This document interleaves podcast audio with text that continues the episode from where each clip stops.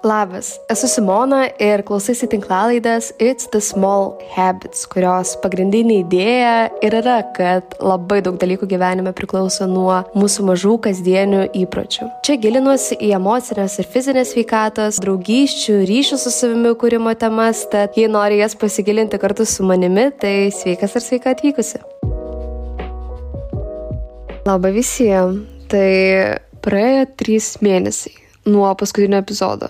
Ne, daugiau netgi. Praėjo 3 mėnesiai ir 10 dienų, man atrodo. 12. Ar aš turiu gerą pasiteisinimą kažkokį, kodėl aš čia taip pradėjau podcastą, sukūriau 9 epizodus ir dingau? Tai ne. Jei labai atvirai, tai aš tiesiog užsiparinau, kad nepakankamai gerai darau šitą podcastą. Um, bet I am back. Tai va, šiandien, kaip ir minėjau, bus toksai be temos kažkoks um, kažkokios konkrečios, o tiesiog aš sakinėsiu jūsų klausimus, kuriuos jūs man uždavėte Instagrame. Tai, manau, realiai galime tiesiog ir pradėti, ir nebetempti. Ir pradėsime nuo klausimo, kaip einasi pokalbiai su tėvais, šeima, draugais apie nestudijavimą. Ir mano pasirinkimą eiti tokiu darbą savo keliu. Nu, ten parašytas krustelis versus entrepreneur. Tai aš čia norėjau, nu, taip, išsiplėsti tiems, kuriem tas entreprenerio savoka nėra, nėra pažįstama. Nu, man jinai atrodo tokia nelabai gal dažna. Um, lietuvių kalboje, nu kas lietuvių kalboje iš tikrųjų sako entrepreneris. Aš girdėjau tik vieną kartą, man šiaip keista, kad šitą žodį sulietuvino, nu, bet sulietuvino ir sulietuvino. Šiaip aš nežinau, kai iš tikrųjų kaip entrepreneur yra lietuviškai. Verslininkas tiesiog. Bet kokiu atveju, um, šiaip dabar labai mokausi kažkaip um, mažiau anglicizmo vartoti savo kalboj. Ne dėl to, kad aš manau su anglicizmu, kad yra kažkas negerai, bet galbūt yra kažkas su juo negerai, kai jo yra per daug. Ir aš negalvau, kad aš su to žmogus, pas kurį yra anglicizmo per daug, kol aš nepradėjau perklausinėti savo video, uh, Um, podcast'o epizodą aš savo nelabai perklausinėjau, bet kol nepradėjau klausyti savo video visokių, pastebėjau, kiek aš iš tikrųjų daug vartoju anglicizmų. Tai kažkaip norisi man daugiau į savo žodyną integruoti lietuviškų žodžių. Um, turiu labai įprotį sakyti pastoviai anyways, um, tai dabar sakau, gal pastebėsite, kaip dažnai sakysiu bet kokiu atveju, bent jau pasistengsiu. Um, tai bet kokiu atveju. Sakant klausimą, dabar man atrodo, va šiuo momentu mano tėvai, draugai, bet kas kitas susitaikė tiesiog, kad aš nestudijuoju. Ir jau nelabai klausinėja. Nu, kartais paklausia iš tokio įdomumo, tipo, nu tai kaip ir galvoju sekančiais metais įstudijuoti. Ir taip kiekvienais metais manęs klausia. Ir aš vis sakau, ne, turbūt, kad ne. Ir iš pradžių, pavyzdžiui, mano, mano mama tai iš vis kažkaip čil. Nepamenu, kad jinai man sakytų kažką ten, kad man reiktų įti studijuoti. Ir aš manau, iš dalies dėl to, kad jinai, jinai studijavo, bet jinai po to dirbo pagal tą profesiją, bet 40 e, jinai dar papildomai studijavo kirpėjos darbą. Nes tiesiog jai, nu, labiau patraukė tai.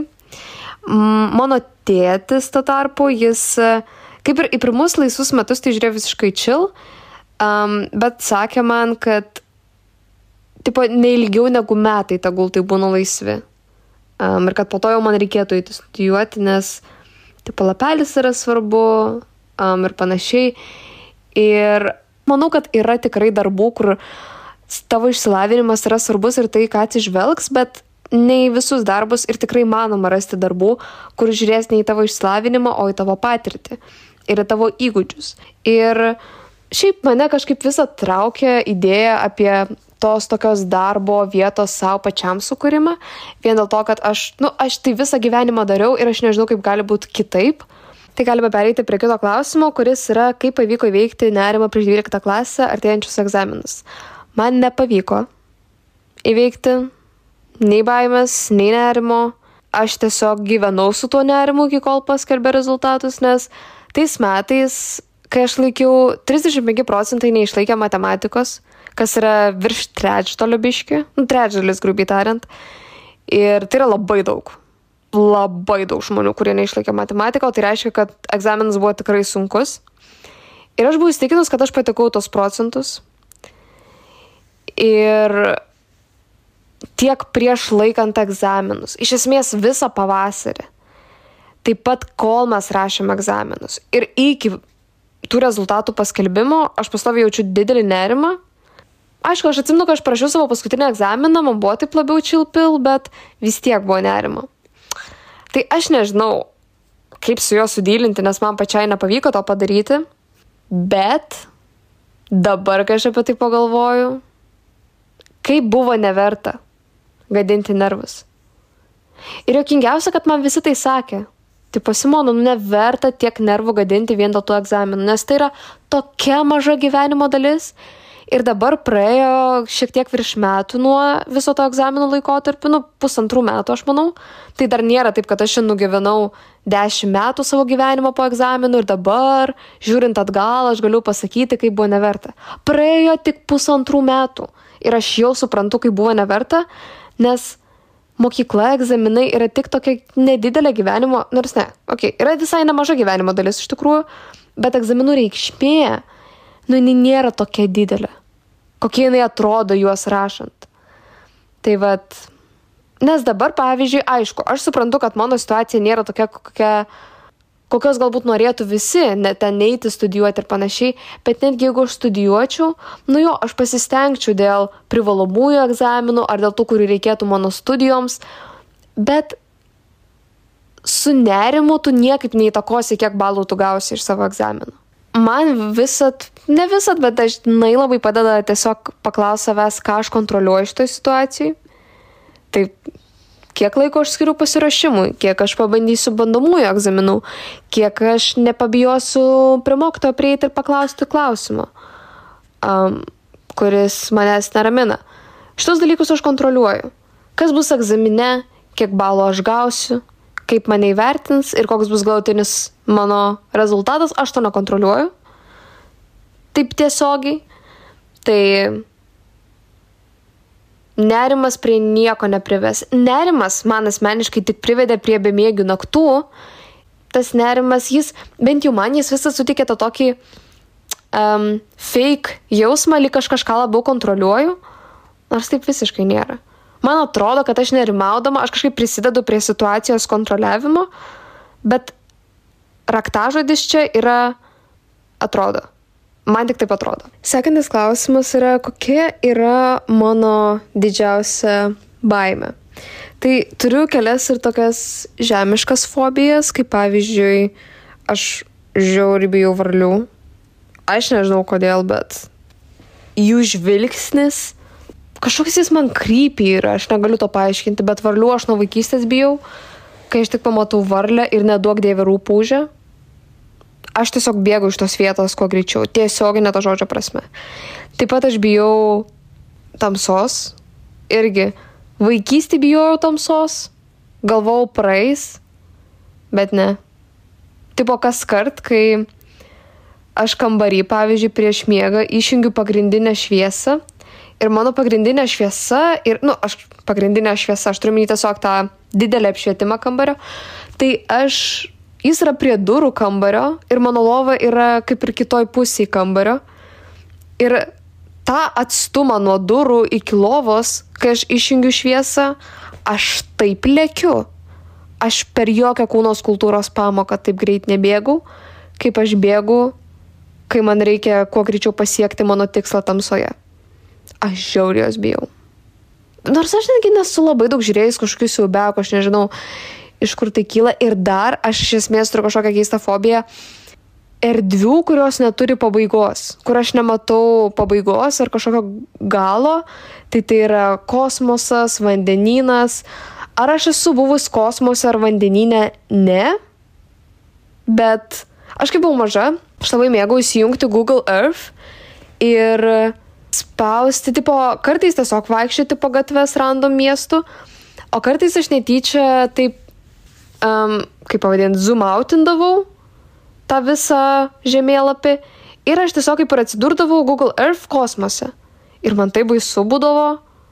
Ir negaliu paaiškinti, kodėl. Tiesiog buvo baisu toje erdvėje būti, nors tai iš vis virtuali yra. Ir tas pats būdavo, aš netyčia paspaudavau ant vandenino ir netgi dabar aš, pavyzdžiui, prisimenu tą momentą, kai aš ten noriu paspausti kažkokią žemės plotą, o aš paspaudžiu ant vandenino kažkur, kaip mane apima panika. Vien dabar kalbant apie tai nežinau, nes atrodo žuvis iš kažkur išlys. Google Earth nuotraukose. Aš nežinau. Bet, um, jo, tai turiu tokias fobijas. Bet kalbant apie baimės, tokias gal gyvenimiškas labiau, tai aš jaučiu, kad mano baimės nelabai skiriasi nuo kitų žmonių iš tikrųjų, nes labiausiai tai aš bijau tokių dalykų kaip prarasti savo artimuosius, bijau susirgti kažkokią labai stiprią lygą, kur man būtų fiziškai labai sunku.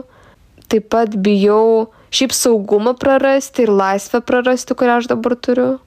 Šiaip tiesiog gal prarasti gerus dalykus, kuriuos aš dabar turiu. Kas man turbūt yra laisvė ir saugumas pagrindė. Tai manau daugiau dalykų sugalvočiau, bet aš kažkaip nesiuošiu šitam podcast'o epizodui, aš pagalvojau atsakinėti iš tos klausimus būtų faina taip um, iš galvos. Tai va čia tokios pirmos atėjusios į galvą mintis apie mano didžiausias baimės. Ir šiaip paskesti labai bijau. Ar uždusti. Man kažkaip tas oro trūkumas labai gazdina. Čia tokia A, aš manau, kiekvienas esam pagalvoję apie tai, kad mes kažkada mirsim ir kažkaip mes mirsim, bus kažkoks būdas, ar tai nuo senatvės, ar nuo kažkokių kitų priežasčių. Tai vad man kažkaip labai baisu yra ar uždusti, ar paskesti, nes man atrodo, kad čia yra tokia ilgesnės kančios baime. Nu ir šiaip tipo pats tas įsivaizdavimas oro trūkumo yra baisus. Ar susiduri su perfekcionizmu? reikalavimų maksimumo iš savęs. Dabar nebe taip. Dabar mažiau, bet iš esmės aš šitą savybę savyje atpažįstu, bet su laiku kažkaip aš vis pastebiu, kaip mano tos pastangos pabandyti kažką atlikti tobulai priveda, čia yra tiesiog prokrastinacija, kuris skamba taip liktai tu darai kažką gerai. Nu, taip, man atrodo, mes perfekcionizmą matėm, matom, nežinau, kad jis yra kartais traktuojamas kaip tipo teigiama savybė. Kad, nu va šitas tai perfekcionistas, šitas tai visat siekia maksimumo. Ir nežinau, gal čia tik aš žiūrėjau į šitą savybę kaip į teigiamą. Nes netgi dabar, kai aš apie tai kalbu, man atrodo, kad nu, jeigu aš esu perfekcionistė, tai čia yra geras dalykas apie mane. Tokia, tokia pirminė išvada lenda, bet aš kai taip giliau pamastau apie perfekcionizmą, tai iš tikrųjų čia, nu jo, galima tame žvelgti kažką teigiamo, kad tu nori iš visko kuo geresnio rezultato, nice, maladėts, bet iš tikrųjų, taip žiūrint iš šaknis perfekcionizmo, tai čia yra prokrastinacija. Nors gal ne iš šaknis, gal kaip tik į į rezultatą perfekcionizmo yra, kad tai yra prokrastinacija, tai yra darbų atidėliojimas. Nes man perfekcionizmas priveda tik prie to, kad aš bandau kažką tobulai atlikti ir aš vis tobulinu, tobulinu, tobulinu ir taip niekad neužbaigiu. A, B. Aš kartais net neprisėdu prie kažkokio darbo, pavyzdžiui, prie podcast'o epizodų įrašymo, nes man atrodo geriau iš vis nepadaryti, negu padaryti kažkaip prastai. Ir ypač, kai aš darau kažką pirmą kartą, irgi atrodo geriau iš vis nedaryti tada, negu padaryti blogai, o pirmas kartas jis negali netgi būti geras. Aš net negalvoju apie tai, ar jis gali būti tobulas ar ne. O ir iš esmės, tipo, kas yra tobulas? Kaip įmanoma apibriežti tobulumą? Aš dažniausiai savo galvoje net negaliu apibriežti, kas man yra tobulas rezultatas, bet aš jo sėkiu aš niekad neprieisiu prie to rezultato, jeigu aš nežinau, kaip jis atrodo. Tai vad aš supratau, kad man labai svarbu yra A. Gražinti save ant žemės ir priminti savo, kad aš nepasieksiu tobulo rezultato ir good enough is good enough. Aš su pradėjau dažnai kartoti šitą frazę, kad pakankamai gerai yra pakankamai gerai. Ir kartais svarbu tiesiog yra padaryti tiek, kiek tau yra įmanoma ir tai paleisti. Aš tai savo pavyzdžiui labai dažnai kartoju, kai aš paleidžiu kažkokį turinį į viešumą. Aišku, aš galėčiau koreguoti jį iki amžinybės. Kiekvieną savo video, bet taip jie niekada ir neišvystų saulės šviesos. Ir taip aš juos ir sėdėčiau tobulindama. Ir tai galima, manau, aplikuoti bet kam. Pritaikyti tiksliau. Ir šiaip gal pabandyt pasižiūrėti į save kaip į kitą žmogų. Pavyzdžiui, pagalvokit apie savo draugę, mamą, sesę, brolį, tėtį, geriausią draugą, nu kas tai bebūtų. Um, ir pagalvokite, ar jūs jam keltumėte tokius lūkesčius kaip savo. Bent jau mano atsakymas labai dažnai yra ne. Man gaila būtų to žmogaus kelti jam tokius lūkesčius. Kaip tik, pavyzdžiui, jeigu jis yra pavargęs, jeigu jis yra išsekęs, aš jam nesakysiu, nu davai papušink, davai išspausk iš savęs paskutinės energijas, ko tu čia tingi. Ne, aš jam pasakyčiau, pailsiek, tau dabar to reikia. Tai kodėl aš savo to nesakau? Nes man savęs mažiau gaila. Čia gal reikėtų atskiro epizodo šiai temai, bet pabandyti į save pasižiūrėti kaip į kitą žmogų ar sakyti savo tai, kad tu sakytum savo artimam, mylimam žmogui. Nes pradėkim nuo to, kad būtų visai smagu tapti savo artimu ir mylimu žmogumi, pačiam savo. Tai, nu, aš manau, kad čia yra pa pagrindų pagrindas atrasti užuojauto savo. Sekantis klausimas yra, kaip save įtikinti, jog galiu keliauti solo, labai bijau pasiklysti viena kitoj šaly. Um, aš manau, kad reikėtų neįtikinti, o parodyti, kas reikštų, um, pavyzdžiui, nuvaryti į kitą miestą savo šaly. Ir ar tai yra tas pats, kas keliautų kitą šalį, tikrai ne. Bet ar taip tu gali savo ne tik, įtikinti, bet ir parodyti, kad tu visgi gali susigaudyti savo svetimoje aplinkoje. Tai aš manau, čia yra labai geras toks pirmas žingsnis, po kurio gali jaustis drąsiau. Tai aš nežinau, ar aš turiu labai ką pridurti dar čia, nes aš nežinau, ar savęs įtikinėjimas yra gera idėja, nes jeigu tu kažkuo netiki, tu tuo ir netiki. Ir tam, kad pradėtum tikėti, manau, reikia kažkokio pagrindo. Ir kažkokia lengvesnė kelionė savo šalyje į kitą miestą, manau, gali būti puikus pagrindas. Bet ką gali savo priminti, tai prisiminti kažkokias gyvenimo situacijas, kurios buvo sunkios, kurios gal buvo, kuriuose gal jautėsi pasiklydusi nebūtinai e, fiziškai, lokacijos atžvilgių, bet emociškai, psichologiškai pasiklydusi, ar nežinanti, ką daryti, bet kad, nu vis tiek kažkaip atradai būdą išsikapstyti iš situacijų. Tiesiog prisiminti, kiek kartų tu save kažkokioje situacijoje yra išgelbėjai, ar tu radai kažkokį būdą iš jos išsikapstyti, kad ir kokia ta situacija tuo metu atrodė sudėtinga ir neįmanoma. Tai netgi jeigu dar niekur nekeliavai viena, galbūt va, tokių va, kažkokių situacijų prisiminimas gali padėti tiesiog labiau paskatinti pasitikėti savimi, kad tu gali savimi pasitikėti, kad net jei kažkokia situacija nutiks, nu kažkaip kažką tu sugalvosi, nes iš mano patirties aš nesu gal turėjęs kažkokių labai blogų situacijų su savo kelionėm, bet kai kažkas nutikdavo, nu, blem, dabar bandau prisiminti, bet, nu, aš vis atrasdavau kažkokį būdą išsikapstyti.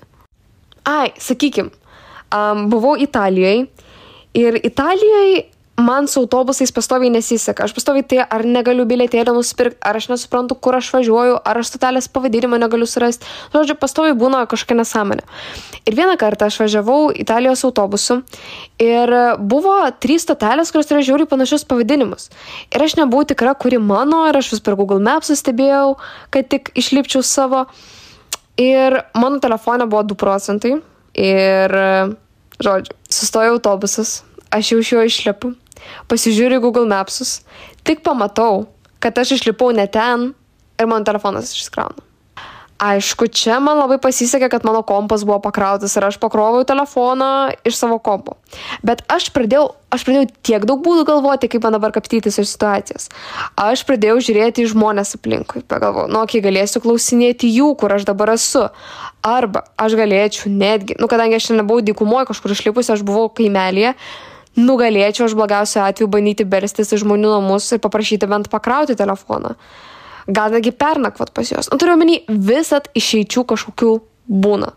Sekantis klausimas yra, kaip nustoti galvoti apie tai, ką apie tave galvoja kiti.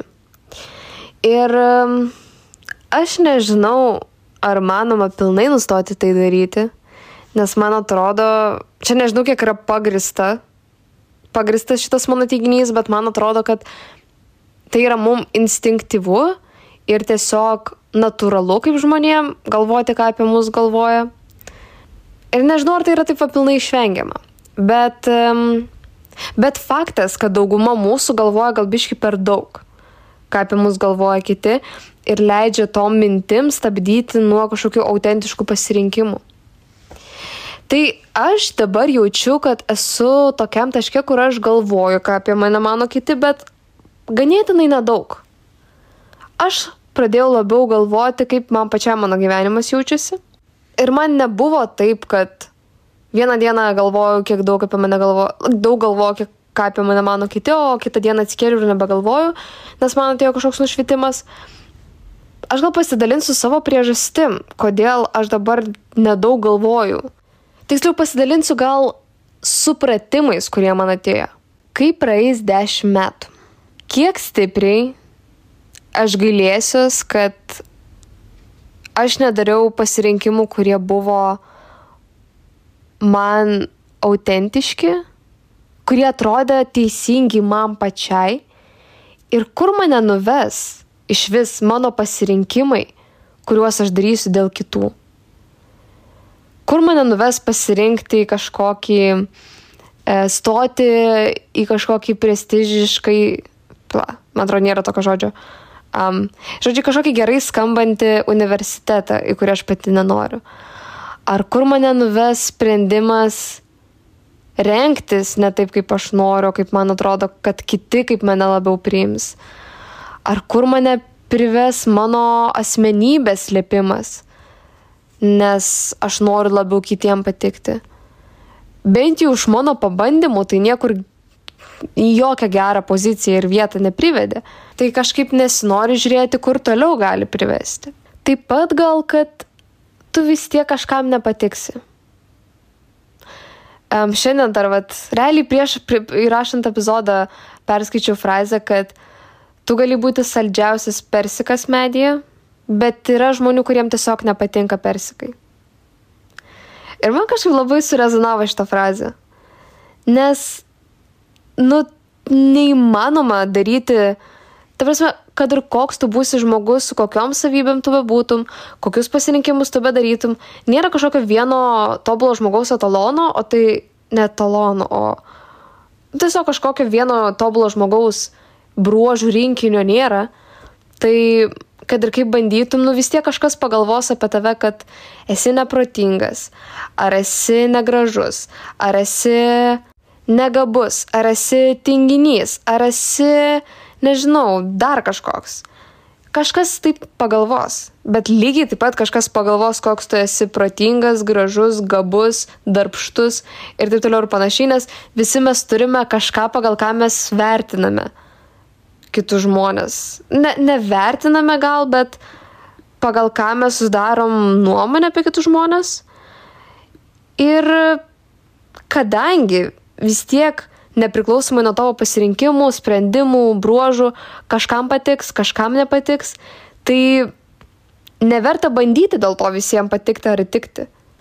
Ir šiaip galbūt tas supratimas, kad nieks vis tiek nenugyvens mano gyvenimo už mane. Nu, man kažkaip gaila daryti tokius sprendimus, kurie kitus patenkintų, o ne mane. Nes jie, nu ką, kažkas pasidžiaugs, kažkas ne. Turiu minį, kad ir kokia būtų kitų reakcija, vis tiek visi yra užsiemę gyventi savo gyvenimais. Tad aš tiesiog manau, kad aš vaistyčiau savo gyvenimą, jeigu gyvenčiau dėl kitų. Tiksliau, ką aš dariau galbūt dalinai, kartais dabar kažkiek darau, nu čia, sakau, čia toks gal nepamatuojamas labai dalykas, kiek tu stipriai gyveni dėl kitų, ar kiek tu stipriai galvoji, ką kiti apie tave pagalvos, bet anksčiau aš manau, aš labai daug apie tai galvojau, dabar gal kiek mažiau, bet kuo mažiau galvoju, tuo aš labiau esu patenkinta savo gyvenimu ir tuo aš labiau jaučiu tą tokį ryšį su savim, kad aš darau pasirinkimus, kurie man pačiai jaučiasi fainai. Ir sena gera frazė, su kuria aš, ant kurios aš buvau pasinešusi, man atrodo, kokiais 2.13, tai jolo. You only live once. Ir žinokit, anksčiau, tipo, kažkada jinai buvo labai, tipo, kieta ta frazė. Tada jinai tapo cringe. O dabar, dabar jinai kažkaip kuo toliau tu vis labiau rezonuoja ir aš negi užsimaniau ją išsitatuiruoti. Ar baime, sekantis klausimas, ar baime keliauti vienai dinksta? Taip, kad šimtų procentų man kol kas tai nedingo, aš prieš, kažko, prieš kiekvieną kelionę jaučiu bent kažkiek jauduliuko, baimės, streso, nerimo, bet ta tokia, ta tokia didelė baime, kad tu bijai, kad tu pasiklysi, kad tu būsi nežinia kur. Tai jo, dabar aš sakyčiau, kad man nelabai to yra, nes aš kažkaip pripratau ir oro uoste gaudytis, ir kitose šalyse gaudytis. Ir tuo labiau aš kažkaip pradėjau pastaruoju metu rinktis tokias šalis, dėl kurių aš intuityviai jaučiuosi gerai. Ir dabar, nusakau, būna to tokio natūralaus nerimo ir streso, bet kažkokios baimės tos tokios solo keliauti, jinai praeina, jinai tikrai labai praeina ir kuo toliau, tuo aš vis mažiau to tai bijau daryti, nes tiesiog matau, kad labai daug mano kažkokių pergyvenimų tiesiog nepasitvirtina. Ir kitas klausimas irgi solo kelionių tema, tai kokia šalis tavo nuomonė labiausiai tiktų pirmai merginos solo kelioniai. Aš dažniausiai visiems rekomenduoju, nu, aš miestus rekomenduoju, tai Edinburgas, Kopenhaga ir Porto. Um, Edinburgas su Kopenhaga yra brangesni, Kopenhaga yra pati brangiausia. Um, Edinburgas yra toksai biški brangesnis už Vilnių, sakyčiau, o Porto taip prie pigesnių. Visus trys apjungia tai, kad aš jaučiausi labai saugiai. Labiausiai saugiai jaučiausi Edinburgė ir Kopenhagoje. Labiausiai, labiausiai tai Kopenhagoje. Mm, ir vėlai naktį aš būdavau. Ir tiesiog bet kur, kur bevaikščiau, aš jaučiausi saugiai visos trys, visi trys miestai, kuriuos išvardinau, ten taip pat žmonės labai gerai angliškai susikalba. Ten šiaip yra ką veikti, yra ką pamatyti, man šiaip šitie trys miestai yra vieni pačių mėgstamiausių, kur man teko lankytis. Tai dėl visų šitų priežasčių aš labiausiai ten rekomenduočiau. Bet manau visų pirma tai dėl saugumo. Ir dėl susigaudimo šaly irgi, kad tenais nėra labai sudėtinga susigaudyti. Tai šiam momentui tiek. Ačiū labai visiems, kas uždavėte klausimus. Um, kadangi aš nusprendžiau daryti kas 10 epizodų Q&A, tai prieš, se, prieš naują tokį epizodą aš paliksiu klausimų langelį savo Instagrame, tai galėsite tenais užduoti klausimus vėl tokiam epizodui. Bet šiaip jeigu turite pasiūlymų, temų, kurias norėtumėte išgirsti šitoj tinklalaidai, tai labai mielai lauksiu. Galite tiesiog per Instagram parašyti iš tikrųjų. Ir jeigu jums patiko šitą tinklalaidė, man labai labai daug reikš, jeigu galėsite ją įvertinti Spotify ar kur be klausote. Jeigu norite nepraleisti naujo epizodo, tai galite įsijungti pranešimus ir taip pat pasiekti šią tinklalaidę. Ir susimatysim, tiksliau susiklausysim kitose epizoduose.